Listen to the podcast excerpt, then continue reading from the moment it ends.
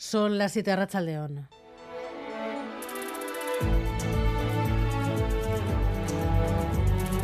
Gambara con Arancha García. Los abogados dicen que están al límite. Las huelgas, primero de los letrados y ahora de los funcionarios de justicia, han emplazado centenares de causas y alertan que el atasco está siendo insostenible. Denuncian que los aplazamientos les están impidiendo además cobrar por su trabajo. Esto está llevando al sistema judicial en Guipúzcoa a una situación crítica, habida cuenta de los procedimientos que se quedan paralizados, eh, lo que está llevando a que los tiempos de respuesta eh, no sean eh, ni mucho menos razonables. Al no acabarse los procedimientos, no salir las resoluciones, no avanzar, pues, pues no facturamos. ¿eh? Entonces la situación ya no es buena y la gente está muy quemada. En principio parece claro que, que, no podemos hacer huelga, pero sí que vamos a estudiar medidas si esto se prolonga en el tiempo. Mañana jueces y fiscales podrían decidir ir a la huelga la semana que viene.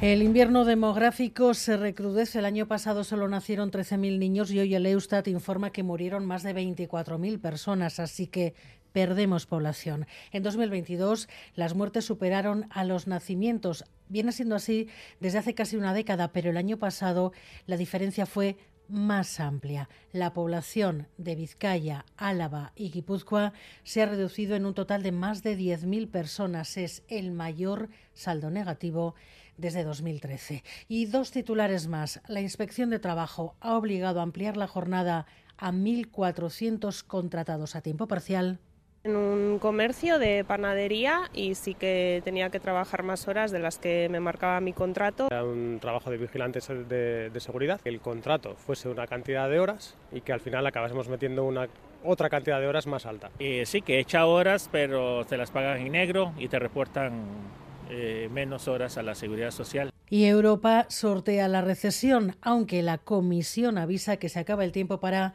controlar el déficit Bruselas-Amaya-Portugal. La eurozona esquiva definitivamente la recesión con unas previsiones de crecimiento económico dos décimas por encima que en las proyecciones de invierno, hasta el 1,1% del PIB. Pero eso sí, la mejora de la inflación se ralentiza y la inflación subyacente se mantiene muy alta. El Estado español mejora en medio punto sus previsiones hasta el 1,9% y mantiene a raya la inflación en un 4%, 1,8 puntos por debajo de la media. Pero al contrario que las previsiones del Gobierno español, en las de la Comisión no consigue cumplir los objetivos del déficit público el año que viene, año en que se acaban las excepciones y vuelve la rigidez fiscal. La campaña electoral acaba de superar su primer fin de semana. Se han intensificado el cruce de mensajes entre el PNV y EH Bildu, cada uno defendiendo su modelo de gestión. Además, comienzan a llegar algunos líderes de Madrid, ayer y hoy el popular Núñez Feijo y esta tarde Pedro Sánchez. En Madrid, por ciento, una candidata de Vox, concejala en Parla, está en prisión sin fianza tras ser detenida por tráfico de drogas y blanqueo de capitales. Además, vamos a estar en esta gambara en directo en Turquía con Mikel Ayestarán. La presidencia del país se jugará en segunda vuelta tras un tenso recuento con acusaciones cruzadas de fraude. El presidente Erdogan no ha conseguido el 50% de los votos en las elecciones de ayer.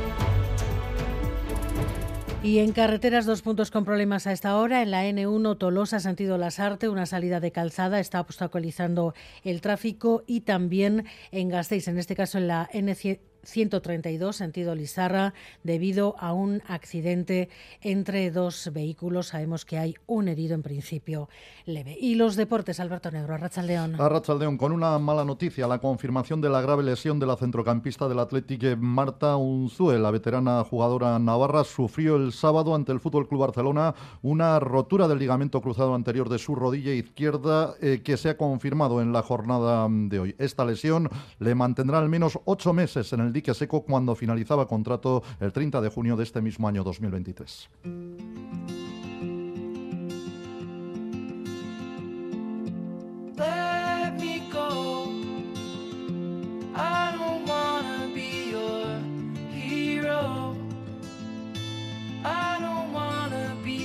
big man. I just wanna fight with everyone else. Your masquerade. Tiene 19 años, se llama Anchón y va a ser el primer chico que desfile como cantinera en su pueblo, en el Alarde, en Irún. Desde pequeño, cuando celebrábamos los Marciales en familia y esas cosas, yo me acuerdo que le quitaba el abanico a mi hermana y me ponía, les hacía a mis familiares que me hicieran un pasillito y pasar yo así con el abanico. He salido de, eh, de soldado, pero mi ilusión siempre ha sido salir de cantinera. Se ha presentado, le han elegido, de hecho es la primera vez que un chico se presentó para ser cantinera y ahora espera respeto como nunca se había presentado ningún chico o nunca había salido un chico de cantinera, pues lo veía como un poco difícil y tampoco me imaginaba ser el primero, la verdad, pero aquí estamos. Yo sé que habrá rechazo porque no todo el mundo podemos pensar igual, pero yo respeto la idea que tienen de los demás, entonces espero que ellos respeten.